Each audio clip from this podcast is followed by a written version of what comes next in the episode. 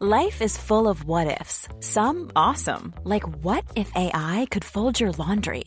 And some, well, less awesome, like what if you have unexpected medical costs? United Healthcare can help get you covered with Health Protector Guard fixed indemnity insurance plans. They supplement your primary plan to help you manage out of pocket costs. No deductibles, no enrollment periods, and especially no more what ifs. Visit uh1.com to find the Health Protector Guard plan for you. Hey, it's Ryan Reynolds, and I'm here with Keith, co star of my upcoming film, If, only in theaters, May 17th. Do you want to tell people the big news? All right, I'll do it. Sign up now and you'll get unlimited for $15 a month in six months of Paramount Plus Essential Plan on us. Mintmobile.com slash switch. Upfront payment of $45 equivalent to $15 per month. Unlimited over 40 gigabytes per month. Face lower speeds. Videos at 480p. Active Mint customers by 531.24 get six months of Paramount Plus Essential Plan. Auto renews after six months. Offer ends May 31st, 2024. Separate Paramount Plus registration required. Terms and conditions apply if rated PG. Many of us have those stubborn pounds that seem impossible to lose, no matter how good we eat or how hard we work out. My solution is PlushCare. PlushCare is a leading telehealth provider with doctors who are there for you day and night to partner with you in your weight loss journey. They can prescribe FDA-approved weight loss medications like Wagovi and Zepbound for those who qualify. Plus, they accept most insurance plans. To get started, visit plushcare.com slash weight loss. That's plushcare.com slash weight loss. A-kursen sponsras av Akademikernas a-kassa. Det är också Sveriges största a-kassa. Och varför ska man vara med i a-kassan? För att sova bättre om nätterna. För det här är ju någonting som ger en trygghet. Man står inte helt utan pengar om man då skulle bli av med arbetet. Och det är ju jättetråkigt att bli av med jobbet men det blir ju mindre tråkigt om man har safeat upp lite och betalat in 130 kronor i månaden till Akademikernas a-kassa så att man ändå kan få ut upp till 26 400 kronor i månaden. Och om man inte blir av med jobbet så kan man ju vara glad att man bidrar till trygghet för någon annan som förlorar jobbet. Ja, och om man byter jobb då behöver man ju inte heller byta a-kassa just för att det handlar ju inte om exakt vad man sysslar med utan det handlar ju om huruvida man är akademiker eller inte. Och det är vi hela livet. Verkligen, det är vi ju redan som studenter och även studenter är välkomna att bli medlemmar om man har som mål att ta minst 180 högskolepoäng. Så gå in på akademikernasakassa.se a-kursen i ett ord och bli medlem redan idag. Och tryggare kan inga vara än vi medlemmar och Guds lilla barnaskara. Ni två. Mm. Jag tror barnaskaran är större och medlemmarna med. Tusen tack Akademikernas a-kassa för att ni sponsrar A-kursen. A-kursen sponsras av TCO, Tjänstemännens centralorganisation. Föräldraförsäkringen fyller 50 år i år. Hipp hipp hurra! Hurra för dem! Eller hurra för oss! Ja, gud ja. Vi är ett rätt stort gäng som har kunnat njuta av denna föräldraförsäkring som när den kom till kallades för ett vansinnigt förslag av motståndarna. Men den revolutionerade synen på jämställt föräldraskap och utvecklingen mot en mer jämställd fördelning av föräldrapenninguttaget har gått framåt. Men sen 2018 har det stått nästan helt still på den fronten, vilket är ju supertrist. För det här ojämna uttaget skapar långvariga och bestående inkomstskillnader mellan kvinnor och män. Och i snitt går kvinnor miste om 50 000 kronor per år. Och det här innebär ju att pappa pappor missar en massa värdefull tid med sina barn. Så det blir ju en lose-lose situation. Hur hade ni det? Var ni bra på att dela? Vi var väldigt bra på att dela skulle jag säga. Jag tog första delen, men sen hade vi faktiskt också ett upplägg som var jättehärlig. Där vi båda liksom jobbade halvtid och var föräldralediga på halvtid sista liksom perioden innan i alla fall vårt andra barn började på förskola. Så dela mera, säger vi. Eller hur? Absolut. Och för att fira denna fantastiska 50-årsdag som föräldraförsäkringen firar så har TCO gjort en dokumentärfilm ledd av skådespelaren Emma Molin som i lite härlig historieätaranda berättar om vad som egentligen hänt sedan 1974. Så in och kika på den på TCOs sajt. Tack TCO för att ni sponsrar A-kursen. Det här är överkursen i arbetstidsförkortning. Det vill säga hela Emmas intervju med Göran Käcklund som är professor vid Stockholms universitet där han forskar på stress och sömn. Göran berättar bland annat om svårigheten med att undersöka arbetstidsförkortning vetenskapligt, vad han tror mindre tid på jobbet skulle göra för folkhälsan och vilka risker han ser med att lagstifta om kortare arbetsvecka. Men först, mår vi bra av att arbeta? Man kan sätta två perspektiv på den här frågan. Den ena är ju då om vi tittar på och jämför arbetsdagar med lediga dagar så är det ju så att under lediga dagar så sover vi bättre, vi är mindre stressade, ja, vi mår bättre i största allmänhet. Och man kan också se att de flesta när de går i pension och slutar arbeta börjar också må bättre. Men man kan också lägga ett annat perspektiv och det är ju folkhälsoperspektivet.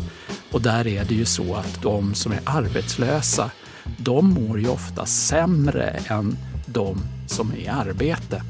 Så det finns två sidor på den frågan. Vilka faktorer kan då göra att arbetet får oss att må dåligt? Ja, det man tänker på där det är ju mycket det som har att göra med stress, arbetsbelastning och kanske särskilt mycket den här balansen mellan arbete och privatliv. Att man helt enkelt tycker att man får inte ihop sitt livspussel. Och är det här anledningen till att fler personer blir sjukskrivna på grund av stress?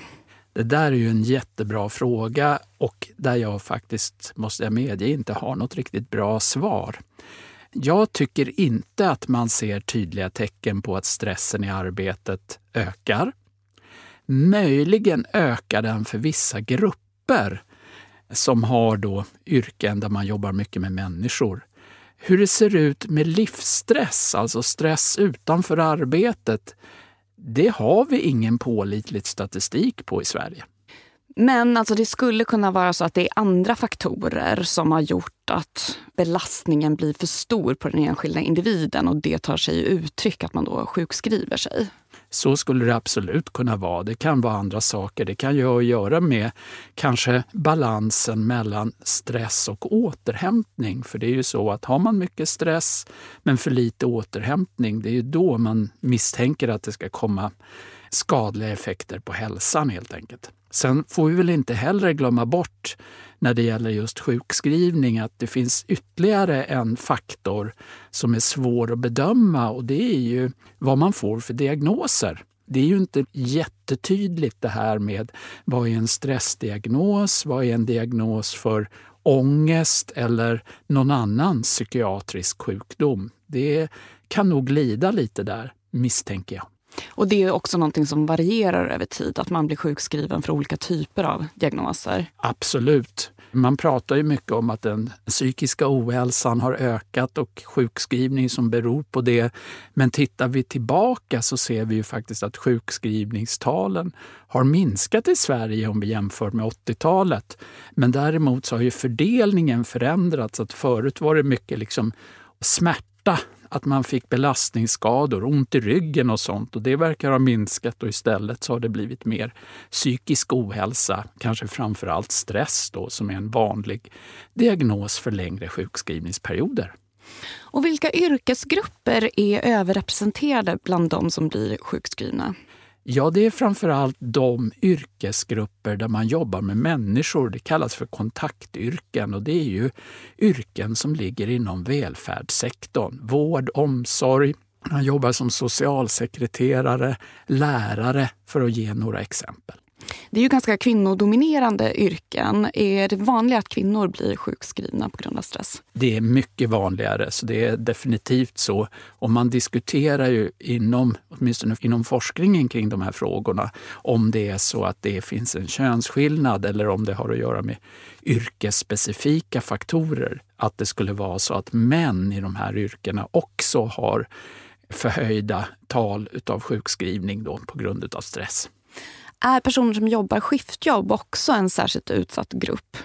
Ja, det skulle man verkligen kunna säga. Det är ju en grupp som ofta får eh, för lite återhämtning. De har ett stort återhämtningsbehov på grund av de oregelbundna arbetstiderna. Och där tror jag att det handlar inte om att man ska ha arbetstidsförkortning i form av kortare skift, utan där handlar det om att få in fler lediga dagar. Och om man leker med tanken att man får en extra ledig dag eh, varannan vecka till exempelvis så tror jag faktiskt att det skulle kunna få långsiktigt positiva konsekvenser för hälsan och, och minska risken för många allvarliga sjukdomar, bland annat hjärtsjukdom där de som jobbar skift där natt ingår har en högre risk. Kanske skulle det också kunna minska olycksrisk och sådana där saker. Finns det faktorer i dagens samhälle som gör att det blir allt svårare att få arbete och andra åtaganden att gå ihop? Det där är också en fråga som är mycket relevant och den är inte helt lätt att svara på. Men det är möjligt att kanske livstempot har ökat i samhället. Att många har högre krav och förväntningar på att man ska ha ett aktivt liv till exempelvis. Och det här skulle då kunna ta tid från bland annat återhämtning, att man inte får nedvarvning på det sättet som man behöver, vilket i sin tur kan leda till störd sömn. Och störd sömn vet man är en, en faktor som kan öka risk för sjukskrivning. Du har ju nämnt att det här med återhämtning är väldigt viktigt. Hur återhämtar man sig då på bästa sätt? Alltså återhämtning handlar ju om att vi måste kunna koppla av, få nedvarvning. Och den kanske viktigaste återhämtningen, åtminstone från ett biologiskt perspektiv, det handlar ju om sömn. Men eh, det är naturligtvis så att det inte bara sömn och det är viktigt också att man när man är ledig har möjlighet att kunna varva ner. Och då ska man göra aktiviteter som man tycker är roliga och som gör att man kan stänga av sin stress. Och det behöver inte vara aktiviteter där man bara vilar utan även aktiv återhämtning som att man tränar eller håller på med någon rolig fritidsintresse ger bra återhämtning. Kan det också vara beroende på vilken typ av jobb man har? Alltså om man har ett väldigt fysiskt inaktivt jobb, är det viktigt då att kanske återhämta sig på ett sätt där man också får motion. Så tror man att det är. Har man ett eh, stillasittande jobb så är det bra att få fysisk aktivitet. Att man behöver kanske röra på sig. Och har man ett fysiskt tungt jobb då behöver man kanske vila kroppen. Och då behöver man få återhämtning kanske genom att använda hjärnan, läsa, lyssna på musik eller göra någonting annat som inte är så fysiskt krävande. Om man då fritt kunde placera en arbetsveckas 40 timmar över hela veckan, även då helgerna, vad skulle du säga är ett optimalt upplägg? Det finns kanske inget optimalt upplägg som passar för alla utan det beror lite på hur ens livssituation ser ut. Men en majoritet vill nog gärna att man ska ha en tydlig gräns mellan arbete och privatliv.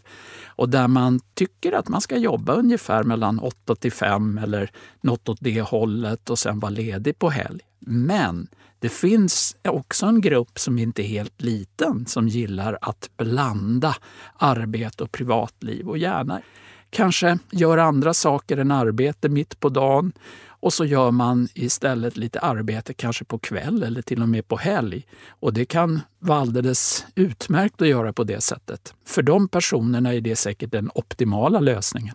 För så kanske man tänker sig att det såg ut liksom förr i tiden när vi jobbade som jägare och samlare. Att man hade liksom intensivt arbete och sen en stor del av dagen som också var vila.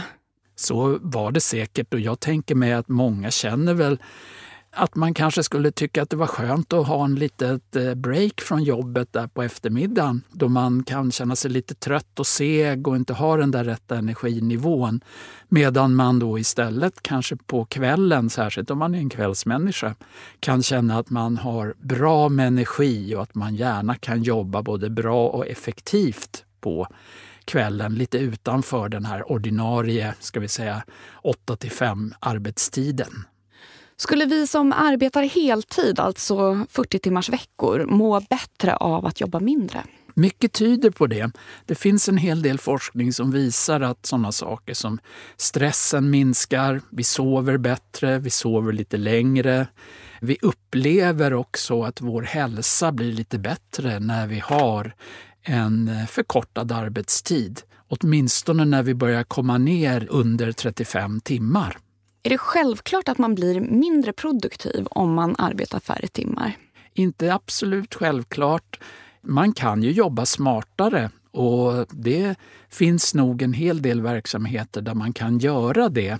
Men eh, frågan är hur långt man kan komma med att jobba smartare inom olika yrken. Jag misstänker att man kanske inom eh, vissa yrken, jag tänker vård och omsorg, så kanske man kan jobba lite smartare men eh, kanske inte så det kan motivera en arbetstidsförkortning på 7-8 timmar i veckan. Vad tror du skulle då vara bäst om vi började jobba mindre? Att vi hade sex timmars arbetsdag eller fyra dagars arbetsvecka?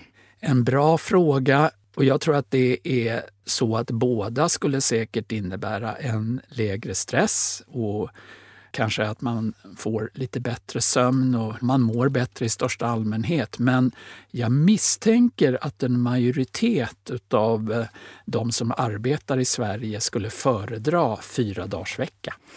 Jag skulle nog föredra det och det handlar lite om att jag också pendlar ganska mycket i mitt jobb så att det tar lite tid för mig att komma till jobbet och tillbaka. Är det en sån faktor som du tror kan påverka?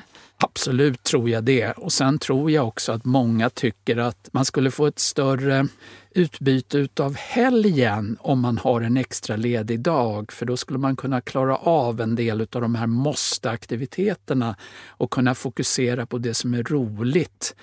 Återhämtning bland annat under helgerna, lördag, söndag. Så du tänker då att det skulle vara bättre om man då jobbade fyra dagar, att man hade en extra helgdag istället för att lägga den här extra lediga dagen mitt i veckan? Egentligen så tror jag nog att det skulle vara kanske utifrån... Det beror alltså mycket på här, hur ser ens arbetssituation ut? Har man en belastande arbetssituation så tror jag egentligen att det perfekta är utifrån arbetsmiljöperspektivet är ju att vara ledig en onsdag då. Men jag tror att om man har en arbetssituation som ändå är liksom, det är inte jättemycket stress och man har en rimligt hög arbetsbelastning, då tror jag nog att att vara ledig en fredag eller måndag passar alldeles utmärkt. Men det beror som sagt var på hur arbetssituationen och livssituationen. Och det är klart att skulle vi genomföra det här alla kan ju inte vara lediga fredag, måndag. Några måste ju vara lediga de andra dagarna i veckan också. Förra året publicerades resultaten från den hittills största undersökningen i sitt slag som visade en mängd positiva utfall när arbetstiden förkortades till fyra dagar per vecka. Men jag minns att du framförde viss kritik mot den studien. Kan du berätta lite om vad den där kritiken handlade om? Jo, jag tycker att den studien... Ja, först och främst tycker jag det är väldigt roligt att det görs en sån studie. Det har funnits en kunskapslucka där och det är bra att vi täpper igen den. Men min kritik där i själva genomförandet, det är framförallt två faktorer som jag inriktar mig på. Den ena är att man inte har någon jämförelsegrupp. Och det är ju så att det är lite svårt att utvärdera någonting när man inte har en jämförelsegrupp som jobbar som vanligt, det vill säga 40 timmars vecka. Det andra faktorn det har att göra med att det är så kort uppföljningstid. Det är bara sex månader. Och sex månader är alldeles för lite för att vi ska kunna dra några säkra slutsatser. Jag skulle kunna tänka mig att man kanske under den första perioden är alldeles överlycklig utav att få behålla samma lön men jobba bara fyra dagar istället för fem. Och sen kanske det kommer liksom de här negativa konsekvenserna utav det. Till exempelvis att man kanske eventuellt måste jobba hårdare. innebär att de kommer senare istället. Kanske tar uppåt ett år innan man kan ge den där lite mer balanserade bedömningen utav om fyra dagars vecka är bra eller dåligt. Vad finns det generellt för utmaningar när man försöker studera frågan om arbetstidsförkortning vetenskapligt? Alltså den stora utmaningen är ju det att det är så svårt att göra randomiserade studier. Alltså det är jättesvårt att få tillräckligt många arbetsplatser där man kan helt enkelt säga att några av de här arbetsplatserna ska få arbetstidsförkortning och några drog nitlotten och ska jobba som vanligt. Och det här ska då ske med slumpen då också. Det är ett jättestort problem och det är nästan så att det kanske inte ens går att göra den typen av studier. Och då får vi inte samma säkra underlag. Andra faktorer är ju naturligtvis att vi behöver ju ha koll på vad som händer på arbetsplatsen och se på hur påverkas liksom arbetsbelastning, arbetsorganisation. Var det möjligt att anställa fler personer eller är det så att man var tvungen att, att jobba hårdare helt enkelt? Att göra den där 40 timmars veckan på kanske 30 eller 32 timmar.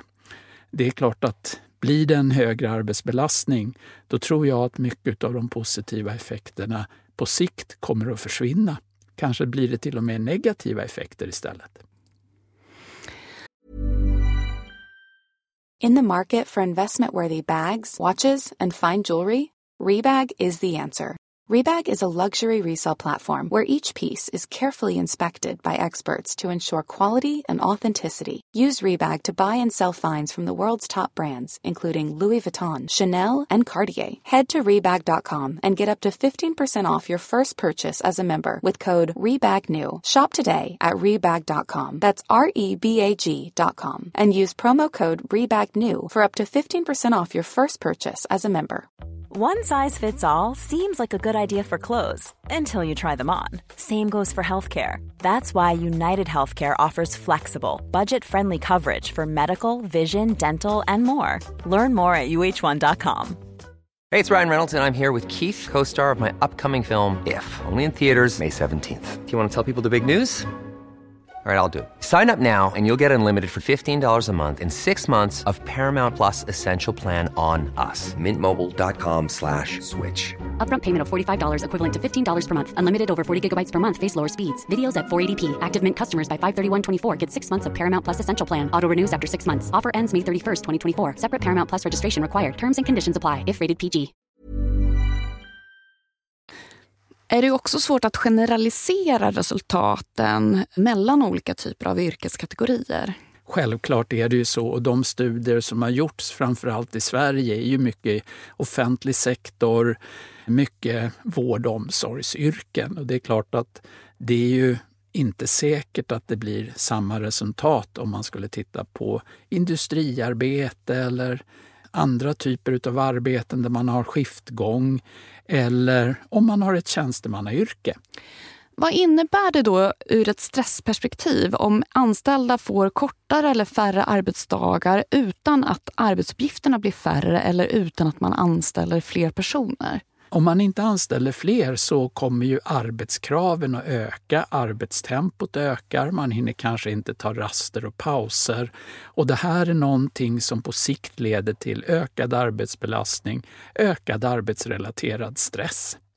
Så att för att det här liksom verkligen ska göra att folkhälsan förbättras eller att människor mår bättre så behöver man också liksom minska arbetsbelastningen. Ja, jag menar att man måste åtminstone se till att ha inte en högre arbetsbelastning utan arbetsbelastningen bör ju liksom vara åtminstone lika som den var innan. Men eh, det är ju möjligt också att om man genomför det här på rätt sätt att man faktiskt får en lite lägre arbetsbelastning för att man utsätter sig för kortare tid utav det som är själva orsakerna till stress. Då.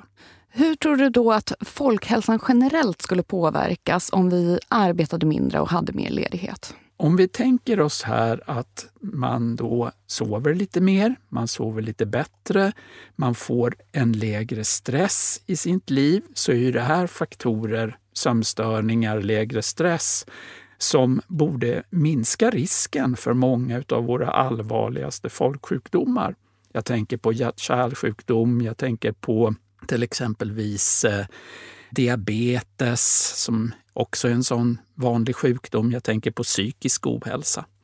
Och Det här är ju någonting som vi inte riktigt vet idag, men jag tänker mig att en skicklig statistiker eller epidemiolog skulle kunna räkna på vad de här effekterna blir faktiskt på folkhälsonivå och se vad kan samhället tjäna på att införa arbetstidsförkortning.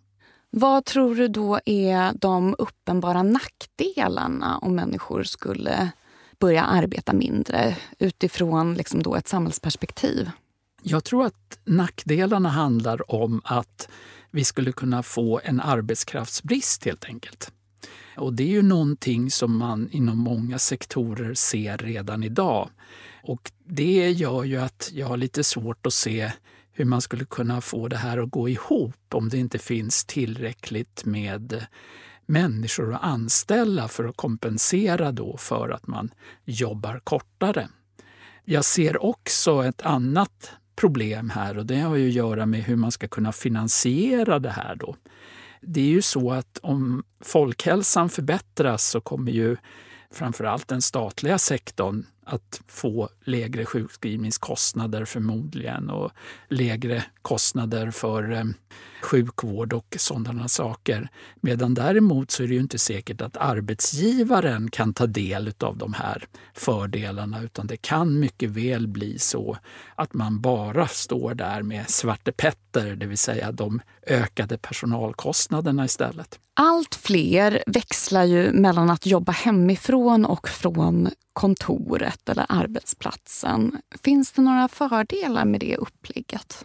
Jag tror att det kan finnas en del fördelar. Det här kom ju i samband med pandemin och det är ju många som fortsätter att arbeta i någon form av hybridlösning där man arbetar både hemifrån och ibland på arbetsplatsen. Och bland annat så tror jag att det är för de som har lång pendling så är ju det stora fördelar. Att det innebär att man eh, liksom får en bättre balans i livet helt enkelt. Att eh, En lägre livsstress skulle jag tro. Och i många yrken kanske man till och med tycker att man utför sitt arbete lite bättre hemifrån. Man får jobba lite mer i lugn och ro.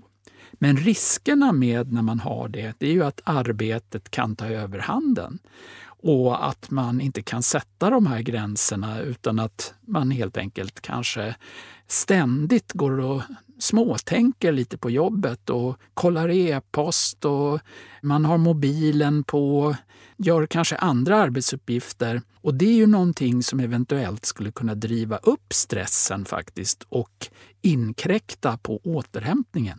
Om vi blickar lite framåt, tror du att vi kommer arbeta mer eller mindre i framtiden? Det där är ju en jättespännande fråga och ska jag gissa så tror jag faktiskt att vi kommer att arbeta lite mindre. Och det är därför att jag tror att det finns önskemål bland befolkningen att man vill minska sin arbetstid. Och vi har ju också en historia utav att vi har gjort det Medan att det där tog stopp då någon gång på 70-talet och sedan dess har vi inte haft någon större arbetstidsförkortning, åtminstone inte på nationell nivå. Man har till och med höjt pensionsåldern. Man har till och med höjt den, så att det liksom pekar ju att vi nästan skulle gå lite i andra riktningen.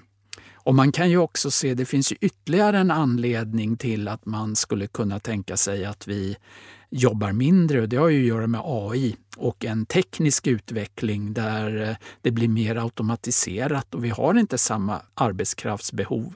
Samtidigt så finns det ju också så att vi ser redan idag att vi i många yrken har brist på arbetskraft.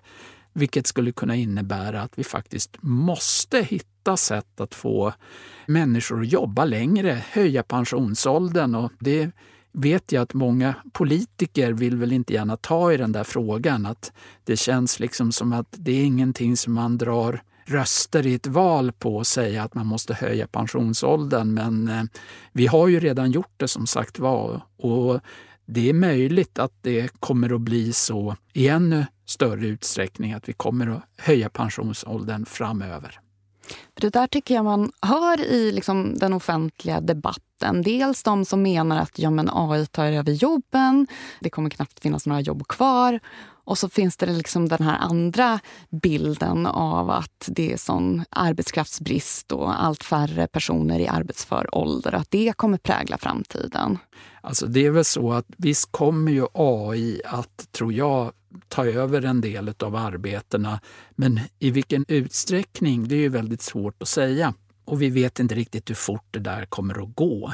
Och det är klart att tittar vi på, det är ju stora pensionsavgångar som kommer nu här de närmaste tio åren och det är klart vi måste hitta ett sätt att kunna lösa det här eftersom idag verkar ju det inte finnas någon liksom riktigt politiskt stöd för att vi skulle ha arbetskraftsinvandring. Och det kanske inte heller finns förutsättningar för det, för det, det finns liksom inga grupper som skulle kunna invandra till Sverige. Det här är ju någonting som vi har en globalt en stor arbetskraftsbrist. Det gäller åtminstone stora delar av EU. Är det här med bibehållen lön tror du är viktigt för att människor ska liksom vilja gå ner i arbetstid? Jag tror att det är jätteviktigt, för vi ser om vi tittar på de som jobbar deltid, vilket ju innebär att man går ner i tid men också går ner i lön, att där ser vi inte att det är samma positiva effekter på hälsan. Utan tvärtom kan man se att det kanske till och med kan vara till och med sämre för hälsan för att man tvingas ta flera jobb. Och då tänker jag lite på det här med som kallas för gigekonomi och sådana saker.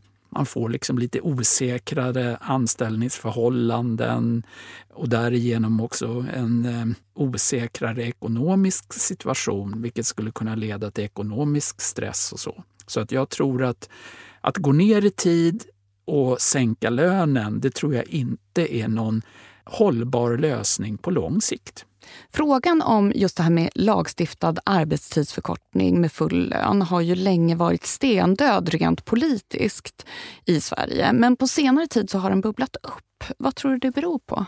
Jag tror att det beror på att det är i många eh, grupper i samhället så inser man att det här inte liksom håller helt enkelt.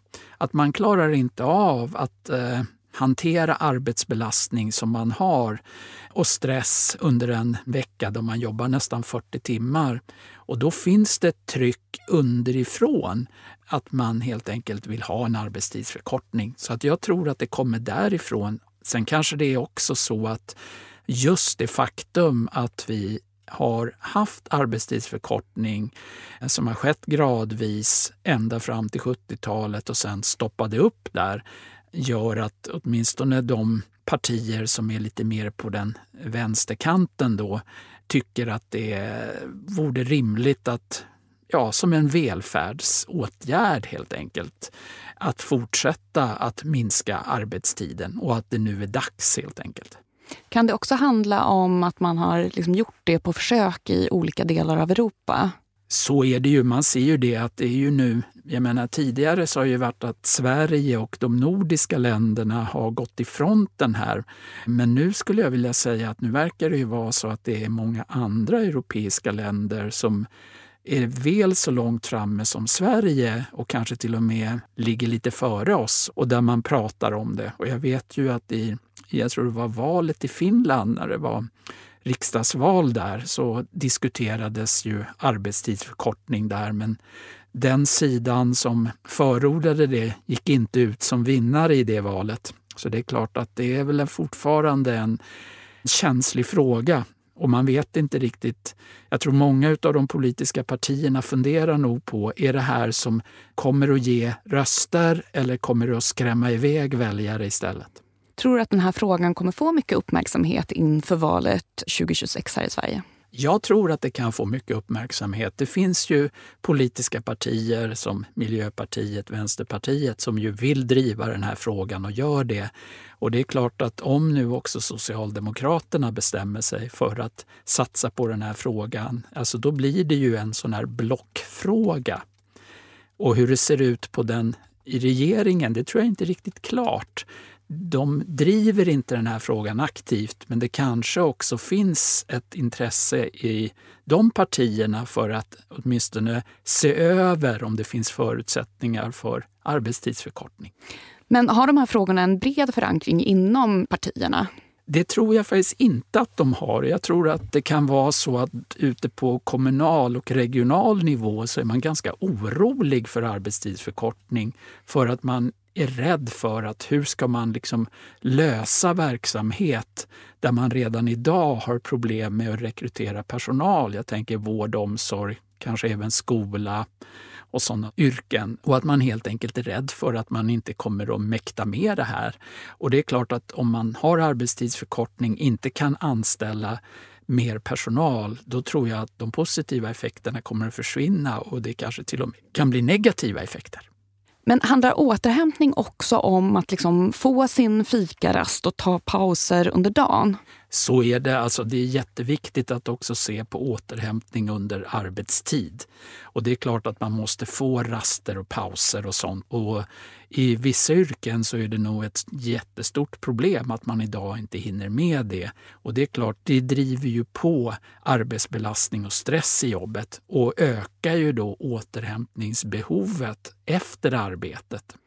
Så det kan också vara kanske en risk om man liksom jobbar jätteintensivt i sex timmar, struntar i alla rasterna, att man helt enkelt liksom missar de här viktiga liksom, andningshålen under arbetsdagen. Absolut, jag tror att det är en jättestor risk och den måste vi undvika. Och där är det ju så att om man eh, inför en arbetstidsförkortning och har en kort uppföljningstid så kanske man tycker att ja, men det är så fantastiskt att få liksom mer ledig tid. Så att då står man ut med det där medan på lång sikt så tror jag att jobba sex timmar utan att få ett enda avbrott, det kommer att vara jättejobbigt helt enkelt. Och eh, säkert vara någonting som kan till och med driva upp stressen i jobbet istället. Hur ser det ut då bland folket? Finns det liksom ett brett stöd för att vi liksom vill arbeta mindre? Ja, det genomfördes en undersökning från SOM-institutet som ju är liksom ett institut som tittar på mycket av de här opinionsfrågorna. Och där hade man för några år sedan en fråga om arbetstidsförkortning. Och där var det så att en majoritet är positiva utav Sveriges befolkning och då de som arbetar då, till arbetstidsförkortning. Och bland kvinnor, om jag minns rätt, så var det 59 procent. Så det är en ganska stor majoritet. Och Det här tyder ju på att det finns ändå en förankring i folket för att man skulle vilja jobba kortare. Har man liksom någon känsla kring hur det ser ut bland yngre människor? För unga människor är ändå de som är liksom framtidens arbetskraft. Är de villiga att jobba liksom 40 timmar och liksom att vi bara fortsätter att höja pensionsåldern? Jag minns inte nu vad SOM-undersökningen visade när det gäller just ålder men jag tror du är inne på någonting viktigt där. Och jag tror att de yngre tycker att man kanske till och med är beredd att välja kortare arbetstid jämfört med att få en högre lön. Att man helt enkelt prioriterar att få tid framför pengar. Vad skulle du säga är liksom det naturliga sättet för människor att arbeta? Ja, alltså egentligen så är det ju så. Man kan ju verkligen diskutera. Är liksom åtta timmars arbete, är det det naturliga sättet? På ett sätt kan man ju säga det att om man har naturliga avbrott under den här åtta timmars perioden så skulle jag säga att det fungerar alldeles utmärkt. Men däremot är det ju så att vi inte konstruerade för att kunna upprätthålla vår uppmärksamhet under absolut inte åtta timmar i ett streck. Utan där är det ju så att kanske redan efter en 40 minuter så får vi en tydlig svacka och behöver få ett avbrott, någon form av paus.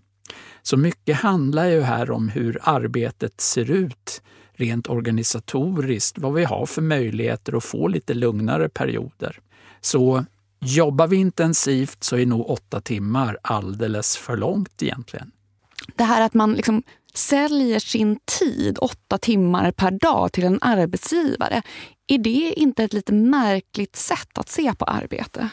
På ett sätt är det ju det och jag tänker att i många fall så handlar det kanske mer om att man är intresserad av att få en uppgift utförd. Och då skulle man ju kunna tänka sig att någon som utför det på kanske sju timmar, att man då i den här dealen så skulle man då få en belöning i form av att man behöver inte utföra arbete under åtta timmar. Man har en timme som arbetsgivaren bjuder på.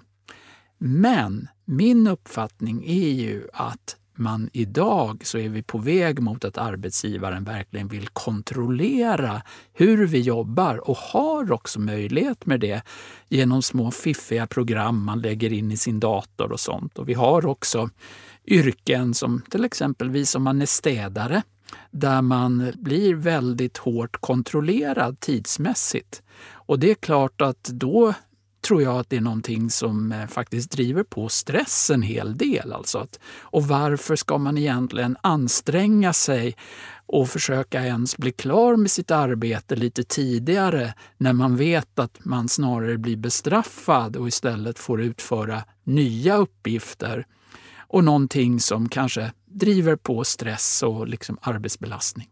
Så den här personen som sitter på jobbet, inte stressar för att bli klar först av alla utan den som liksom tar det lugnt, lägger lite patiens då och då. Ska vi se den personen som en hjälte snarare än någon som bara sitter och maskar? Ja, kanske. Alltså, det är jättesvårt att veta och att det säkert är så, det är väl ganska väl bekräftat att man inte utför arbete under en åtta timmars dag hela tiden utan man kollar sin privata mejl, man kanske surfar lite och man kanske eventuellt ligger en patiens också. Det kan nog hända och jag tror att det faktiskt paradoxalt nog kan ge lite återhämtning att göra på det sättet. Men jag tycker att det egentligen är lite synd att man i vissa yrken då inte ser mer till själva arbetsuppgiften och att man mer skulle ha det som ett mål, alltså att man ska klara av en viss arbetsuppgift och gör man det lite tidigare så skulle man kunna få ägna den resterande tiden åt andra saker som till exempelvis att lämna jobbet och eh, starta sitt privatliv. Tack Göran Käcklund för att du vill gästa vår podd och tack för att just du har lyssnat. Nästa vecka kommer jag, Clara Wallin och Emma Frans fördjupa oss i rättspsykiatrisk vård. Kommer man lindrigt undan om man döms till rättspsykiatrisk vård eller är det till och med den hårdaste straffpåföljden man kan få? Prenumerera gärna på A-kursen i din poddapp så får du en notifikation när avsnitten kommer ut. Och det här avsnittet har spelats in på Beppo.